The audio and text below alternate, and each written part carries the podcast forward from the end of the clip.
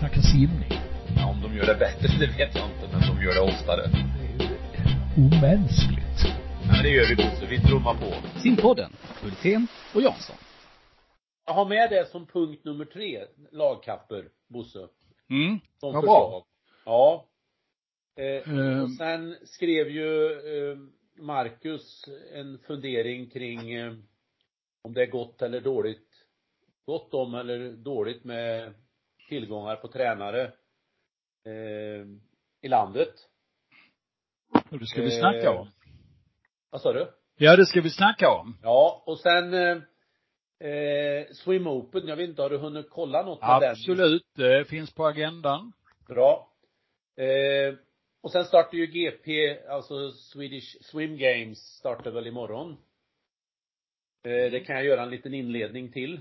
Mm. Eh, och eh, sen söker ju förbundet en koordinator för att sy ihop nya säsongsplaneringen. Eh, och det kan vi, kan vi också snacka kring om kanske Camilla kan göra en liten inledning på. Mm. Vad du förväntar dig av det som komma skall 25. Och Sen sen har vi det några här med, punkter, liksom hur många Europamästare på Ja. 25 meters bana kan man räkna upp? Jag, jag, jag blir så psykad över att jag själv kunde räkna upp så få. Mm. Eh, sen ska vi komma till också. Jag ska Ja, bara berätta för Tom, jag ska bara berätta för Thomas och alla er andra som lyssnar på det här att eh, nu har ni fått nästan hela innehållsförteckningen i den här simpodden Hultén och Jansson nummer 214. Och eh, ni märker också av inledningen här att eh, Camilla Johansson sponsor, Marcus Wernström från eh, Umeå respektive Motala finns med oss idag i den 214 simpodden Hultén och Jansson med simpanelen. Välkomna ni som ska snacka. Mår ni bra? Och ingen sa någonting. Ja, det tar jag som ett tydligt tecken på att ni mår bra. Det gläder mig att höra. Hösten är här eller någonting ditåt va. Och eh, ja, det där med att vi saknar tränare i svensk simning, eh, Marcus. Gör vi det? Ja, det är frågan. Gör vi det? Eh, det? Det är en viktig fråga och vi har snuddat vid den flera gånger. Eh, och ska man sia om det eller titta i glaskulan vart vi är på väg så, så gäller det att känna till historien, vart, vart trender pekar. Eh, och då tror jag att eh, vi tappar eh, kanske inte huvuden på kanten, men vi har ju garanterat tappat eldsjälar. Går man tillbaks till 1980 så var fördelningen på eh, arbetsinsatser i, i, i svensk idrott så var det 75-25, alltså 75 procent stod för eh, eldsjälarna för, alltså de som eh, levde för det och eh, var nere dagligen på kanten som vi kallar det då på, på simspråk. Och 25 procent var, var de här personerna som, som dyker upp och är med i verksamheten en dag i veckan. Eh, bara på 20 år så har de där eh, siffrorna bytt plats. Så då pratar vi 2000. Att eh, 75 procent av ledarinsatserna görs av personer som är nere en dag i veckan. Och eh, vi var nere på eldsjälar på 25 procent. Och nu har det ju gått över 20 år till.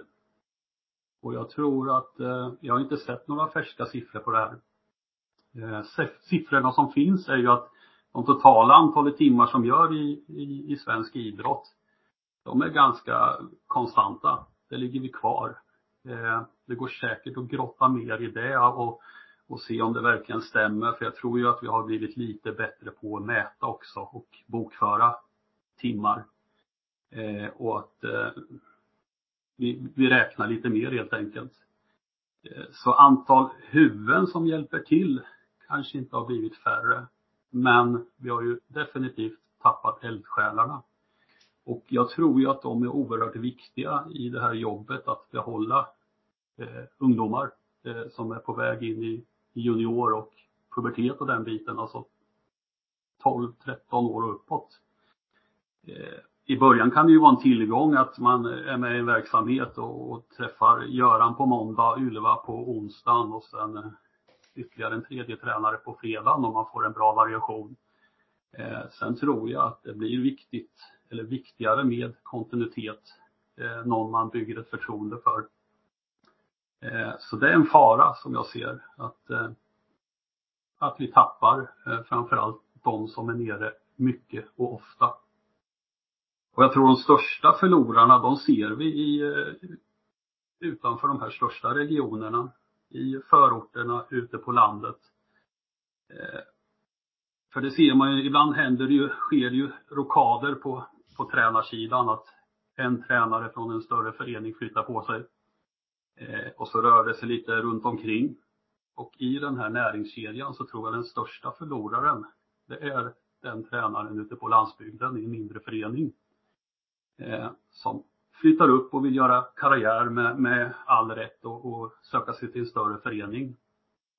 Men då blir den här lilla klubben lidande och får då rädda den med de här personerna som är beredda att ja men en dag i veckan kan jag, kan du ta tisdag, kan jag, då tar jag torsdag och den biten. Eh, så flödet fylls inte på, är min känsla och min spaning. Du, ehm, ja det är, det är inte spanarna nu fredag eftermiddag i P4, men eh, det är lite sinspaning ändå. Vad, vad hänger du på här nu Camilla? Eh, har eh, Marcus rätt eller fel eller är det mitt emellan? Ja, men Marcus har nog eh, mestadels rätt skulle jag säga. Eh, att det stämmer. Men jag tycker kanske att det varit så under en längre tid. Eh, det är ju också väldigt svårt, för det är när du säger eldsjäl som hänger sitt liv åt, åt simningen. Då, har, då pratar vi ju så här till 99 procent män ju. Om man ska vara riktigt krass. Det är ju ganska få kvinnor som klarar av den livsstilen och eh, även kan klara att ha en familj. För att kraven är, samhället ser ut tyvärr så idag, att, eh, att det är svårt för, för kvinnor att, eh, att ha en tränartjänst som ser ut på det sättet. Eh, för att förväntningarna är fortfarande att eh, kvinnor är hemma med barnen mest, eller gör bäst med barnen. Eh, så jag tror väl att det är det man ser, det är kanske lite färre män som är i den här eldsjälspositionen. Men jag tror att folk har blivit kanske lite mer medvetna om livspusslet också. Ett hållbart ledarskap, det är ju det vi behöver jobba efter. Och är det verkligen så hållbart att man är på kanten sju dagar i veckan och som är väg eh, på alla tävlingar och läger som finns. Eh, då, då finns det inte så mycket tid för något annat i livet utöver det. Och då, då blir det ju svårt att få ihop det. Så att jag tror att eh, det stämmer som sagt tror jag att vi inte kanske har så många eldsjälar. Men jag vet inte om det är egentligen bra eller dåligt eller om vi helt enkelt behöver ge lite bättre förutsättningar för att, att alla ska kunna leva sin dröm att vara tränare. Eh, ska vi ha en bättre mix på kanten med tjejer och killar och, och från unga som gamla så tror jag att vi kanske behöver förbättra arbetsmiljön ännu lite mer så att det så det blir en rimlig arbetsbörda. Och då kan man kanske inte förvänta sig att en, en person är där precis hela tiden. För då, då blir det inte en rimlig arbetsbörda. Så det är väl lite grann som jag känner just kring eldsjälar. Så när det gäller tränarbrist generellt i Sverige så skulle jag säga att det är ju en tränarbrist för att det är ju konstant nya annonser som kommer upp. Eh, och jag vet ju när vi lägger ut till exempel om annonser här uppe i Umeå som inte är så attraktivt att flytta till, då får vi ju väldigt, väldigt få ansökningar. Det är ju svårt att få tag på tränare. Um, men samtidigt tror jag att intresset för att vara tränare, det är ganska stort bland uh, ungdomar och sånt idag. Det tycker jag att vi ser i vår egen, vår egen förening att uh, jag har många fler simmare nu som är tränare som fortfarande simmar aktivt men ändå vill börja en, en tränarkarriär. Och det känner jag att det är väldigt positivt. Um, så många brinner ju för simning. Men uh, det är väl lite grann det här att man behöver då se över hur man kan göra det här till en bra karriär också. Mm. Jansson, tillhör du den ena eller andra eh, kategorin i det här sammanhanget. Androgyn i det här sammanhanget. Nej men Alltså det är ju många ingångar i det här. Om, om vi tar det som var på slutet hos Camilla här. Att det kommer få ansökningar. Det tror jag stämmer även eh, söderut i de mindre föreningarna. Eh, Karlstad som är en hyfsat stor stad har ju inte haft eh, explosionsartat med anmälningar när de har annonserat efter tränare, vilket de har gjort ett antal gånger under de senaste fyra, fem åren. Eh, så att det är väl, men, men det är ju också kopplat till den biten som är den, de avlönade ledarna. Kommer man ju in på andra frågeställningar om lönesättning och hur ska, hur ska den tjänsten se ut. Men tittar man på ideella krafter generellt så är det ju ett utbud av idrotter och ett enga och krav på engagemang från föräldrarna på ett sätt som det aldrig har varit så att det blir lite, eh, tror jag, man kanske får fel ingång i ämnet att det saknas ideella krafter om man då inte lägger till det utbud många föräldrar har att klara av idag. Eh, det har ju till exempel nästan fördubblats antalet idrotter som har ungdomsverksamhet på 50 år. Det är klart att någonstans där försvinner ju då en, en, en eh, mängd tid. Eh, men jag är ju lite grann fundersam på, för att knyta an till ingressen här, om det saknas tränare.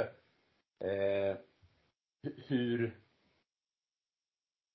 Alltså, är det bra eller dåligt att det rekryteras från simmarleden för att bli en simtränare? Eller bli fotbollstränare? Eh, ibland kan jag kanske tycka att eh, det blir väl inskränkt. Och det är svårt att bryta kulturer och så när man hämtar luften från samma ställe hela tiden. Eh, så att, eh, men, men det är ju samtidigt ett tecken på att det är lite tränarbrist. Så den här frågan är, har jättemånga ingångar. Jag tror jag stoppar där, annars så rör jag till det i mitt eget huvud. Mm. Det är bra. det är bra, bra. Jo, men så är det ju. Eh, men devisen att fler ska göra mindre, eh, den känner man ju ändå att eh, så skulle man ju vilja ha det idag. Men fler och fler vill ha betalt, till exempel Eh, det är som du säger, vi skolar in simmare som instruktörer. Det är kanske så att jag hade haft ett, skulle kunna känt ett mycket större värde på om eh, föräldrar hade varit siminstruktörer på simskolenivå, på eh, nybörjarnivå. Eh, så att man inte applicerar för det, det tycker jag klubbarna gör fel många gånger. Man applicerar alltså simträning på eh, ungdomsverksamheten på medelskolenivå och framåt. Det blir för mycket simträning. Någon som står på en kort ända av en bassäng och säger att man ska göra någonting istället för ett, eh, ett aktivt eh, jobbande med rörelseverksamhet. Eh, mm, ja, jag kan tycka att det finns mycket idéer där. Men som sagt var, det finns många ingångar och kanske inte ska, eh, vi har snackat länge nog om detta kanske, eller? Marcus, du som inledde det hela, eh, landade någonstans där vi, du tyckte att vi skulle landa? Ja, alltså det här är ju en otroligt eh, viktig fråga, som sagt var. Eh, har vi inte eh, ledare, ledare på kanten som engagerar sig och gör en, en spännande vardag, då har vi inga simmare.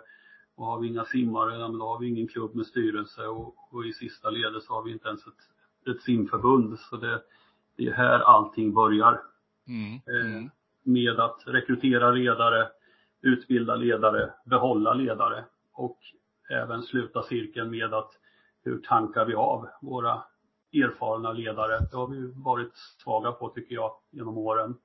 Eh, de som är på väg att, att lämna och eh, pensionerar sig. Mm.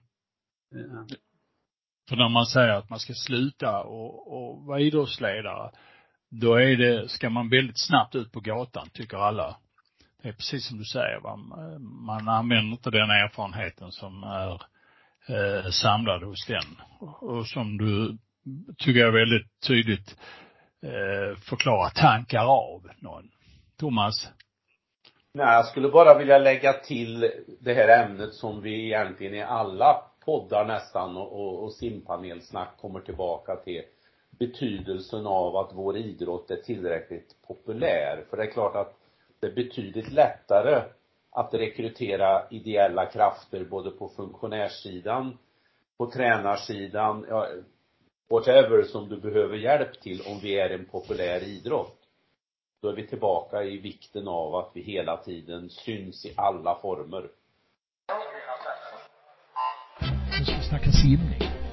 Gör det bättre, det vet jag inte, men de gör det oftare. Det är ju omänskligt. Ja, det gör vi Bosse, vi trummar på. Simpodden, Hultén och Jansson. Mm.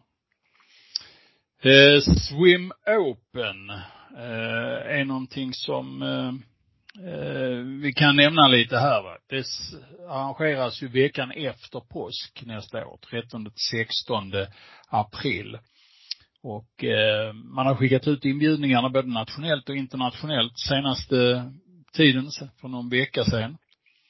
Och eh, enligt eh, projektledare eh, herr eh, Dennis Fredriksson så var det stort intresse eh, när eh, han eh, träffade massa simledare nere i Rom under EM. Eh, och man har haft sin första eh, träff med eh, Swim Open-organisationen för två veckor sedan. Så enligt eh, projektledare Fredriksson så flyter allt på. Och det blir någonting av det här eh, nästa år. Swim Open alltså i Stockholm. Gläder du dig Thomas? Ja, absolut. Det har ju varit en eh, härlig vitamininjektion eh, för svensk simning sen Swim Open kom till. Eh, nämnde han något om, eh, eh, nu, nu spårar jag ur lite grann här, eh, om varför det blev inställt den här eh, Masters-tävlingen, den stora? Nej, vi, vi, vi har bara smsat till varandra. Ja, okej. Ja. För vi var djupt eh, upptagna av eh, olika möten på nätet här under förmiddagen så att eh, vi kom inte i kontakt med varandra.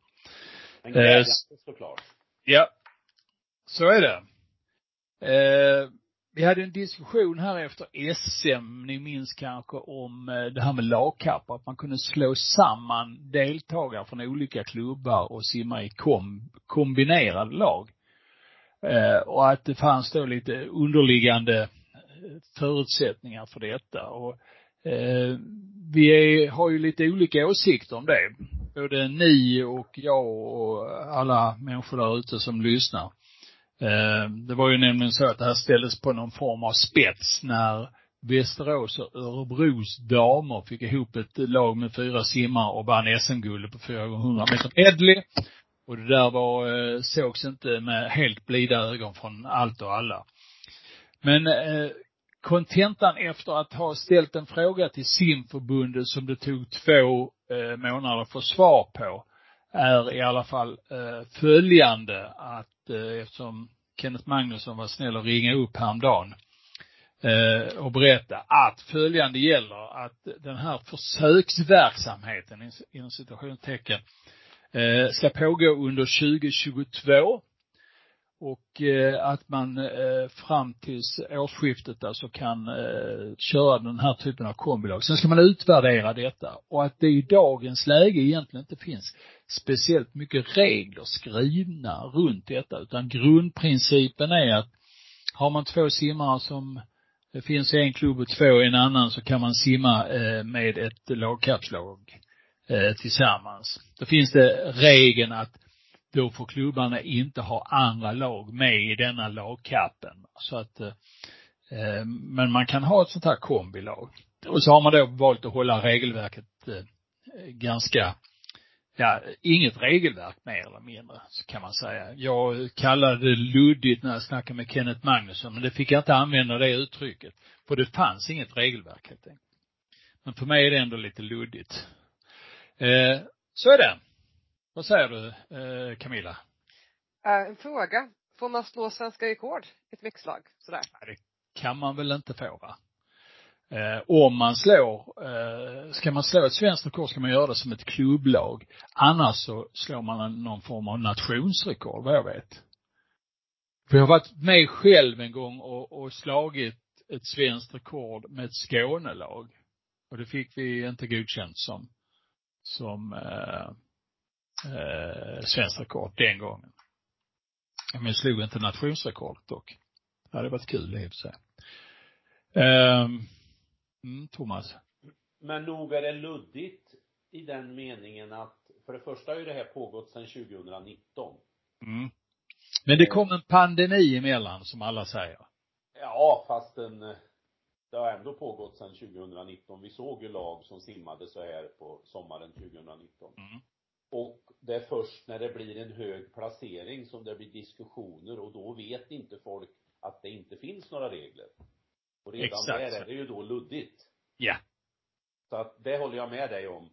Eh, sen är det så härligt ämne eftersom vi har så totalt olika åsikter i frågan, du och jag Bosse. Ja. För om vi kommer att kunna mötas någon gång. Nej, aldrig. Det, det kan jag, jag kommer icke, jag kommer icke, som eh, Sten Broman sa, eh, jag kommer icke att vika mig i denna fråga. Absolut inte. Du, eh, Eh, nog snackat om det. Thomas, imorgon är det Grand Prix nummer ett. Vi har två GP under hösten. Det första går i Upplands Väsby. Eh, lördag, söndag, nej fredag, lördag, söndag, inte lördag, söndag, måndag, utan fredag, lördag, söndag. Det kallas också simspelen. Eh, det verkar vara mer simspel än GP som jag ser det. Eh, om jag tittar på, eh, på sättet att marknadsföra det hela. Eh, och sen så blir det ett i slutet på oktober eh, i eh, Ystad. Ystad Grand Prix. Eh, men det är också tillika svensk GP. Vad jag förstår så finns det inga eh, prispengar eh, för själva GP-tävlandet. Jag har inte lusläst regelboken så starkt. Så var det ju förr att man kunde samla GP-poäng och tjäna pengar. Men eh, i övrigt så är det en tävling ganska rakt upp och ner med hyfsat startfält. Du har kollat startlistan Thomas? Överhuvudtaget inte. Nej, det var det jag kunde tänka mig. Jag har gjort det. Men eh, då kan jag berätta för dig att om du, om du går in på nyhetssidan på Simma så är där en länk överst där så kan man klicka på startlista så kan man göra sig eh, hemmastad i hur det ser ut. Men har du någonting att säga om tävlingen? Ja, ja, alltså jag har några reflektioner här som jag funderar över. Dels kan vi ju då, du nämnde ordet simspelen. Den här tävlingen har ju historiska vingar egentligen då, där den då uppstod i Borlänge en gång i tiden. Eh, och gick där i, tror jag, februari månad under många, många år. Och det kom kineser och amerikaner och eh, det var en högkvalitativ tävling. Sen eh, var det uppehåll och sen då startade Väsby mycket förtjänstfullt igång då det här och då var till och med han som var lite instiftare uppe i Borlänge, Lars-Erik Paulsson, med på ett hörn, eller i alla fall med på första i Väsby och, och tittade om jag inte kommer ihåg fel. Men det jag eh, lite grann funderar på, det är ju vårt årshjul här. Eh, vi har ju kunnat konstatera och lägga faktiskt ett någorlunda bra fakta på bordet att avståndet mellan våra toppsimmare, eh, de här 6, 7, 8 jämfört med de här som ligger runt tionde, tolfte plats på SM har ökat eh, egentligen lite grann år för år under snart nu sju år, startade 2015. Och då funderar jag på, kan det, kan det hänga ihop på något vis lite olika saker? Att de här som kommer in i landslagsverksamhet och får då tävla under sommaren och träna under sommaren som har ett helt annat årshjul egentligen. Eh, om det är positivt för deras utveckling eh, medan då de här andra nu som då har levt under massor av år med det här andra årshjulet där det då eh, Eh, verksamheten slutar i början eller mitten utav juli och sen ska man igång igen och tittar man då så kommer det då en GP efter åtta veckor av kanske träning för att ett genomsnitt av de här som är på, på tävlingen. Eh, och då blev min fundering, eh, kan man då begära att det kommer att simmas fort? Eller kommer man vara besviken över resultaten? Eller eh, är det bra om man simmar fort? Alltså hur, hur ska man sköta träningen? Eller ska det inte vara en tävling vid den här tidpunkten? Är det alldeles för tidigt? Eh, och så kommer det en ny GP som, som eh, Bosse sa nere i Ystad. Det var lite sådana reflektioner jag fick. Då kommer jag tillbaka till, eh, jag har ju i lite olika sammanhang jämfört oss på gott och på ont med friidrotten. Eh, friidrotten drar, i, drar igång sin verksamhet eh, med GP en bra bit in på det nya året. De har alltså ingen tävlingsverksamhet i hösten. Då tänker jag det att, ja men, är de smartare än oss? Men sen när jag tittar på friidrottens resultat och utveckling så är ju den ännu sämre än eh, simningens om man tittar på samma sätt. Några toppar och sen går ner och gräver i vad de är runt tionde, tolfte plats på ett SM. Och då kokar jag ner till en fundering då. Eh, är det till och med bra att vi startar igång med en viktig tävling redan i slutet av september? Och så lämnar jag den frågan öppen till tre kompetenta eh, medarbetare i simpanelen. Mm. Vi börjar med Marcus. Har du några åsikter i frågan? Ja, det är klart du har. Ja, eh, jag är väl inne på linjen hur, hur, hur viktigt är det? Spelar det någon roll? Eh, om vi simmar ett GP i slutet på september eller om det ligger i början på oktober. Jag tror inte det är det som gör slutresultaten. Eh, jag tycker man ska gå tillbaks till, leta i arkivet för den här podden och så tar man fram avsnittet där Viktor Johansson går igenom sin karriär. Eh, han pratar från start om konkurrens hur han hela tiden strävar efter daglig konkurrens. Det började i Nässjö där han strävade efter att ta sig upp i A-gruppen i Nässjö. Han var egentligen för ung, men han tjatade sig in där. Och så tävla mot de äldre grabbarna. Ganska tidigt blev han för bra för Nässjö, eller han blev bäst där. Och i, i rätt ögonblick, när man tittar i backspegeln, så, så flyttade han över till Jönköping. Och det var väl ett år innan det naturliga eh, att man börjar gymnasiet. Då började han pendla in till Jönköping. Och där fanns det förebilder. Jag tror att Martina Granström var fortfarande aktiv då, en bra förebild. Eh, han såg henne och så började han tävla mot äldre grabbar. Och se till att bli bäst och snabbast i Jönköping. Och så på den vägen är det. Och parallellt med det här så det ju, gäller det ju att se till att man har tävlingar med konkurrens också. Eh, jag brukar säga det, se till att vinna KM först. Sen vinner du DM, sen vinner du RM och sen vinner du SM och sen ut i Europa. Eh, och då tror jag väldigt mycket på den här GP-idén att eh, dels helt rätt av simförbundet att eh, ge de här arrangörerna som eh, har byggt upp två fantastiska tävlingar eh, och ge dem den här kryddan med den här GP-statusen. Eh, och skapa då konkurrenskraftiga tävlingar. Eh, sen vet jag inte. Slutet på september, ska det ligga oktober? Det är bara detaljer. Jag tjatar och jag tjatar återigen. Fokus på grunderna. Mm. Camilla?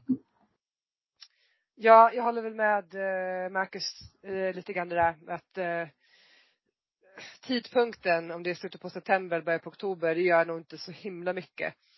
Fast det är väl bra att det är en tävling tidigt på hösten som man har någonting att sikta på så att man kan komma igång lite snabbare och ja, träna på att tävla lite snabbare. Just det här med att man har bättre konkurrens är nog också väldigt viktigt. Eh, jag tänker speciellt inte mästerskapen och sånt. Eh, det är ju svårt att åka till ett mästerskap och prestera om man bara varit på lokala småtävlingar så ska man till SM. Eh, och har man bara varit vana vid att eh, vinna där och helt kunna simma sina egna lopp utan några störningsmoment. Eh, då, då blir det ju tuffare till SM, det tror jag absolut. När man då har bättre konkurrens och eh, helt andra förutsättningar. Eh, sen är det ju också kul, precis som Marcus säger, att den, de här tävlingarna fått eh, Grand Prix-status när det är väldigt bra tävlingar. Och arrangörerna gör ett bra jobb.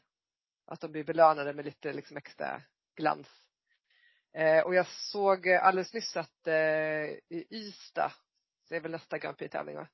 Eh, där har de fått in eh, ett par riktigt duktiga simmare som ska med och, och tävla.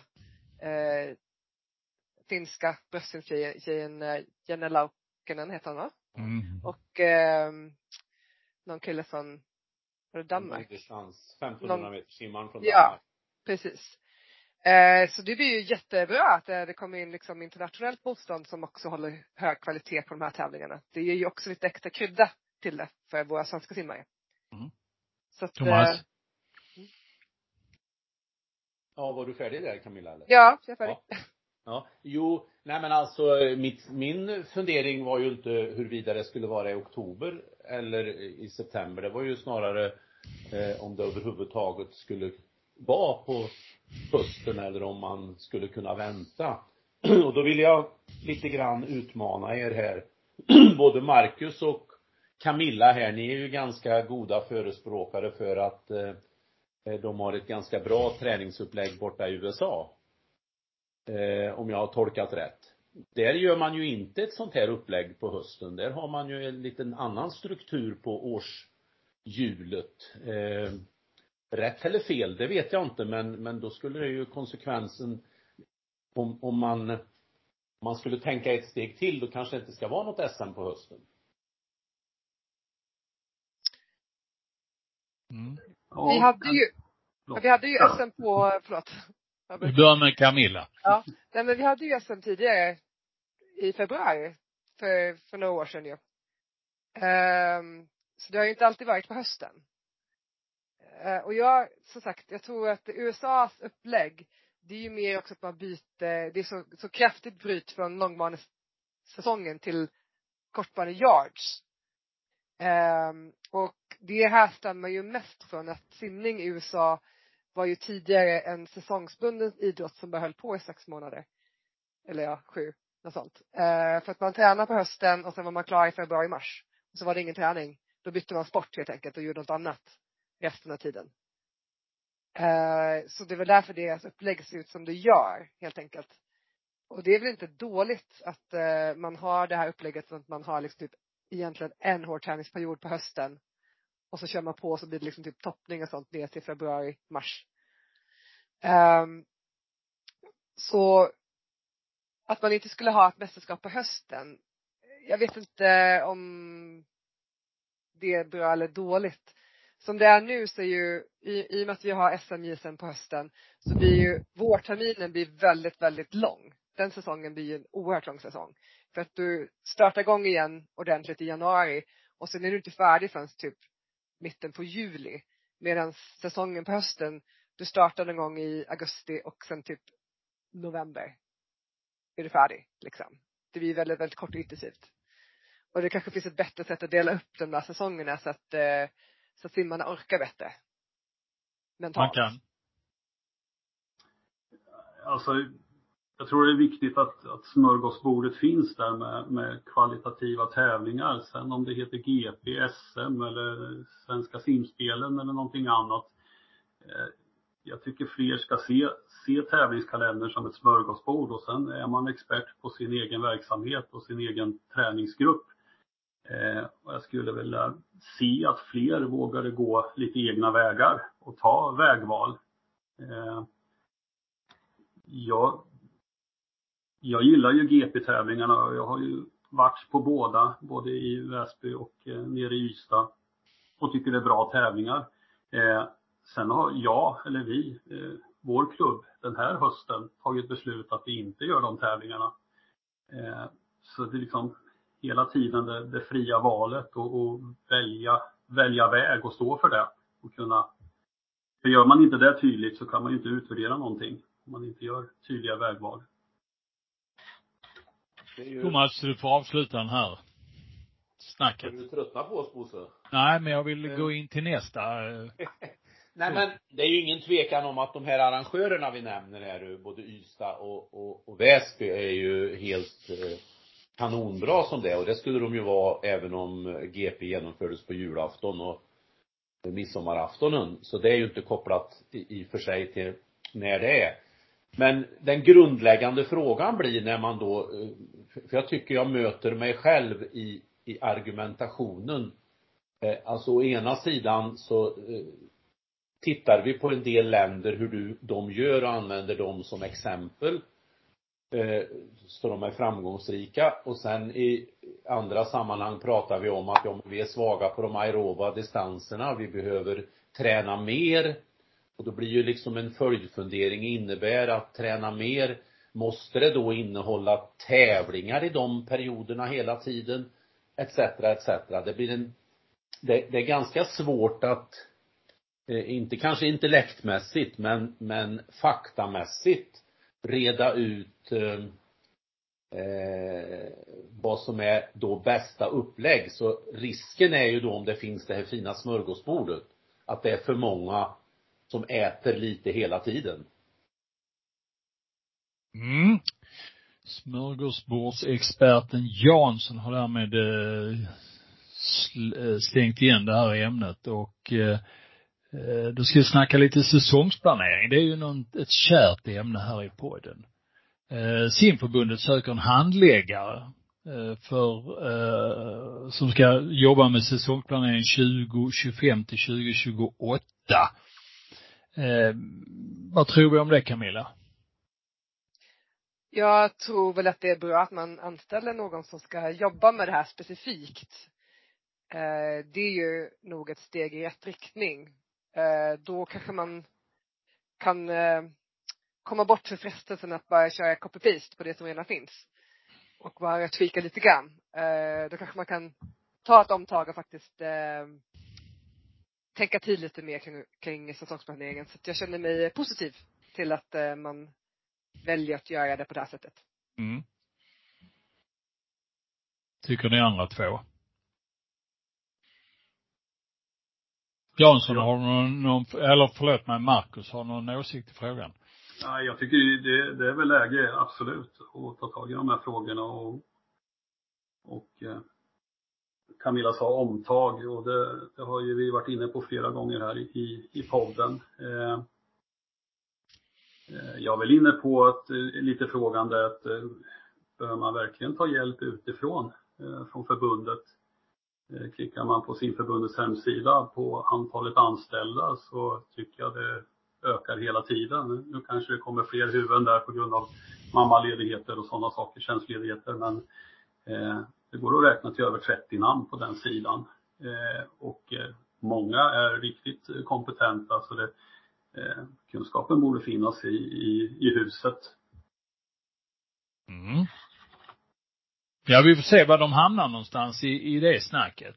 Ja, det, det jag skulle vilja lägga till är att om man om man tittar historiskt sett på de uppgörelser som har gjorts eh, bra dokumentation finns det till exempel från eh, tidigt 70-tal första gången och då är det initiativ utav landslagsledare som lite grann anger tonen hur årsplanering ska vara och hur vilka Eh, principer som ska gälla. Sen har det på olika sätt eh, drivits spår om eh, två säsongs planering eller tresäsongsplanering men de allra flesta gångerna om man tittar på de senaste 30 åren så har det varit de tongivande som till slut har satt agendan har varit ett fåtal klubbtränare om jag sticker ut hakan lite granna Eh, och deras syn på det som inte man riktigt har eh, kunnat gå runt. Så om det här är bra eller dåligt, det blir ju lite grann beroende på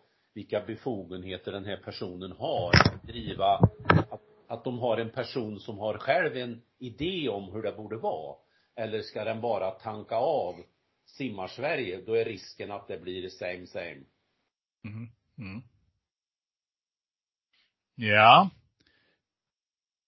Jansson, du, du är duktig på att rabbla eh, simmar och tider och sånt där genom åren. Har du inte varit det? Är du inte så mycket simnörd så du kan rabbla upp vilka simmar som har varit Svenska simmare som har varit Europamästare i kort bana och enbart i kort bana.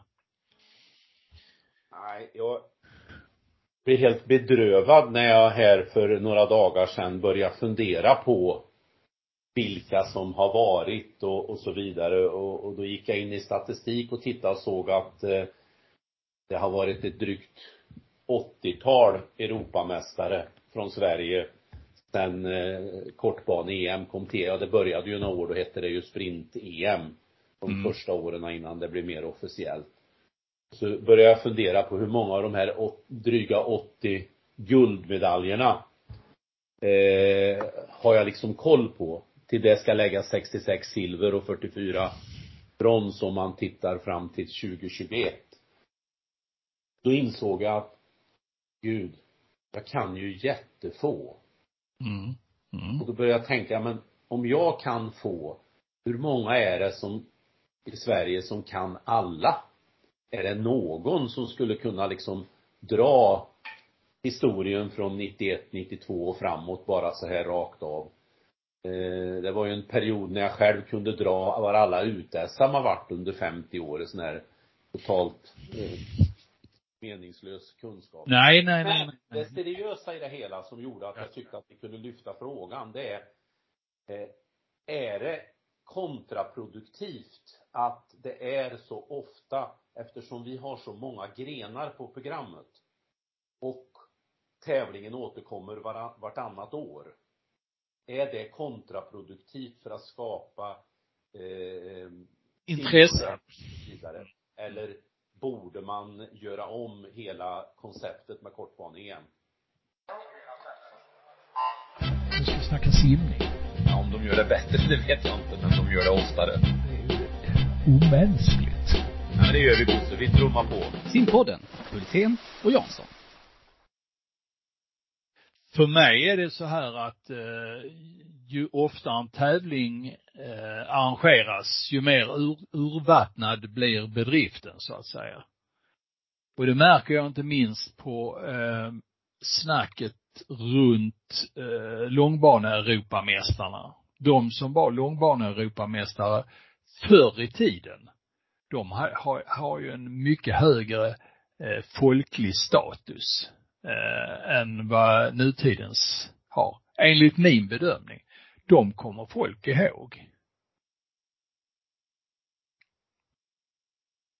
Om jag säger namnet Kate Jobson till någon som är född på 40-talet, om vi säger det, eller tidigt 50-tal, så är det väldigt många som kommer ihåg det namnet som en eh, stor idrottsstjärna.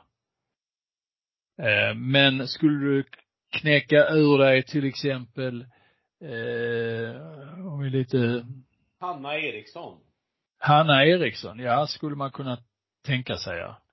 vann 100 medley 2005. Ja. På EM, ja. Kortbane-EM, ja. Ja, det stämmer. Där har du en, ett sånt namn som folk kanske inte känner igen. Jonas Åkesson vann eh, 54 sim 1994. Om vi, om vi bara tar de simmarna som bara har vunnit i kort bana eh, på EM. Så är det Jan Karlsson, 54 i sim 1991. Joakim Holmqvist, 50 fritt 1993. Jonas Åkesson, 54 1994. Eh, Johanna Sjöberg, 50 och 100 fjärilsim 96 och 100 fjärilsim 99. Och sedan så har vi eh, Petra Granlund, 200 fjärilsim 2011. Det är de som bara har vunnit på kort bana. Sen finns det de som har vunnit på eh, lång och kort bana. Och eller vunnit OS-medaljer och EM på kortbana och så vidare. Men som har högre medaljer också. Men de här eh, sex eller sju stycken blir det som inte har vunnit eh, eh, annat än, eh, annat än eh, EM-guld i kortbana. Det, de är rätt okända. Men din grundfråga, Ja, hade vi skurit ner så vi hade haft ett kortbane-VM i varje eh, olympisk cykel, ett långbane-EM i varje olympisk cykel, ett OS, ett kortbane-VM, ett eh, långbane-VM, så tror jag vår sport hade gått upp och pikat. Men alla andra sporter strävar ju egentligen efter att ha ännu fler mästerskap, ännu fler omgångar av sina tävlingar. På att maximera intäkterna på alla sätt från tv, eh, arenor och så vidare. Så om vi skulle gå mot det, ja vad skulle då hända? Ja då skulle inte pamparna kunna resa på sina resor. Eh, prispengarna hade blivit mindre. Och så vidare och så vidare. Men trovärdigheten hos vår sport hade blivit större. Tänker jag fel när jag säger så? Jag tror om man, om, om man eh, går ner på individnivå, om man tar alla de här namnen som du räknar upp som är, kan kalla sig Europamästare, eh, så kan det ju, gissar jag att det har betytt otroligt mycket för deras karriärer. Det kanske är så att de har lyckats få lokala sponsorer genom att kunna säga att de är Europamästare, vilket står mycket högre än eh, svensk mästare. Eh, och vilket har gjort att de säkert har kunnat förlänga sina karriärer och bidragit till eh, den här kvaliteten jag tjatar om och återkommer till eh, för svensk simning. Eh, och jag gillar ju när det här kom till. Jag var ju själv aktiv då i början på 90-talet när det här sprint-EM som det kallades då eh, när det kom till så var det ju ett litet spelanslag om man får kalla det eh, De här största stjärnorna vi hade då åkte ju inte på de här tävlingarna. Anders Holmers, stannade är ju hemma och tränade. Eh, och det blev ett annat gäng som fick klä sig i blågult och komma ut och eh, konkurrera om finaler, medaljer och guld då. Men jag ska säga att eh, sammanlagt är det 12 stycken simmare eh, överhuvudtaget som bara, bara eh, då har tagit EM-guld och inte har tagit VM-guld eller OS-medaljer. Det är 12 simmare. Om man ska, de, de vi har rabblat upp här nu ska vi lägga till Eskil Lundahl 1927 på 100 ryggsim, Björn Borg 4 1500 1938, Kate Jobson 1958 där hon vann 100 fritt. Eh, vad har vi mer för några? Linda Olofsson vann 50 fritt 95. Stefan Nystrand då har ju vunnit sina guld, EM-guld på 50, 100, eh, 2000 och 2001 eh, och sen vann han eh, kortbana 2002, 2007. Och så då Maria Östling. Så det är 12 simmare som bara har vunnit EM-guld. Och det som är intressant, som jag har skrivit om ett par gånger, det är varför finns inte de med i vår Hall of Fame? Som jag tycker är, är rätt så skrämmande en sån stjärna som Björn Borg eh, finns inte med i vår Hall of Fame. Och för den unge eh, lyssnarna av det här så är det alltså inte den Björn Borg som spelar tennis utan det var den Björn Borg som vann EM-guld strax innan andra världskriget och om eh, inte andra världskriget hade kommit så hade han förmodligen tagit eh, OS-guld 1940 och kanske 1944 också. Thomas? Nej men Marcus har ju en, en jättepoäng i, om man tittar i, från en individperspektivet som han tog upp att för den enskilde karriären eh, hade det och har betydelse och det finns också eh, det är bra för att skapa en målsättning etc. Någonting man ska sträva emot. Det är ju det ena perspektivet. Det andra perspektivet som ju då jag tycker att också sen om man eh, om, om man ska använda tävlingsutbudet för att komma åt det andra perspektivet, det kan man väl kanske diskutera, men det andra perspektivet är ju att det blir ju inte speciellt hajpat när det är ett mästerskap. Alltså, det blir ju inte stort lång tid före eller lång tid efter. Vi, vi kan ju ta bara ett sånt exempel som eh, senaste långbane-EM nu, där det var suveräna eh, sändningar på tv Eh, vi hade några dagar med helt eh, magiskt fina resultat och vi njöt av det. Men man kan ju inte säga att det var hajpat långt före. Eller att det sen eh, kom eh, kompletterande reportage efteråt och alltihopa. Som det gör med, kring en produkt som kommer mer sällan. Så det är ju två olika perspektiv i dem. Jag blev bara lite så här bedrövad över att fasiken, jag kan inte de här som har blivit Europamästare. Jag ville liksom, jag ville kunna dem. Och kände liksom att, nej men gud. Fasiken, här tycker jag att jag kan en del om simning och har följt med och så kan jag inte vilka som har varit Europamästare. Camilla? Eh, alltså, jag vet att vi återkommer ju till den här diskussionen kring om hur många mästerskap vi ska ha och hur tätt vi har med etc. etc. Men jag kan ändå tycka att, eh, alltså EM går ju nu varannat år. Och det är ändå ganska bra. Hade det bara gått var fjärde år, då är ju risken stor att man missar många stjärnor som inte får vara med på ett kortbane-EM någonsin då. Eh, och skulle man vara sjuk eller borta just i EMet, då är det liksom åtta års paus mellan EM-erna. Eh, och det tycker jag blir för långt. Så jag tycker nog ändå att det är ganska bra att det går mot två års eh, mellanrum. Eh, och jag tycker ju själv att kortbane-EM är en väldigt trevlig tävling. Det är väldigt roligt. Sen eh, är det väl lite grann problemet att vi inte egentligen eh, skär igenom mediebruset så bra. Kanske med våran tävling och kan förklara hur bra det är att bli Europamästare även i kortbana. Um, för, för det är väl lite grann det vi, vi minimerar ju liksom den här insatsen bara för att det är kortbana så tycker man att det är liksom inte lika mycket värt som ett långbane-EM-guld. Men det är väl lite feltänk, tycker väl jag. Och det är väl kanske, det, det ligger väl någonting i att, att det precis som du säger, att det startar ju lite grann som en sprinttävling och då var det B-landslaget som skickade. Men så är det ju inte längre. Nu skickar vi ju våra bästa simmare på de här tävlingarna. Eh, kortbana är inte sämre än långbana. Och det är väl någonting som vi behöver tänka mer kring faktiskt. Mm. Eh, för det är fortfarande stor statusskillnad på ett långbane EM och VM och kortbane EM och VM. Men hänger inte det samman med att man ändå eh, kan se antalet länder som mobiliserar sina program mot de olika mästerskapen, att där skiljer det sig ändå åt.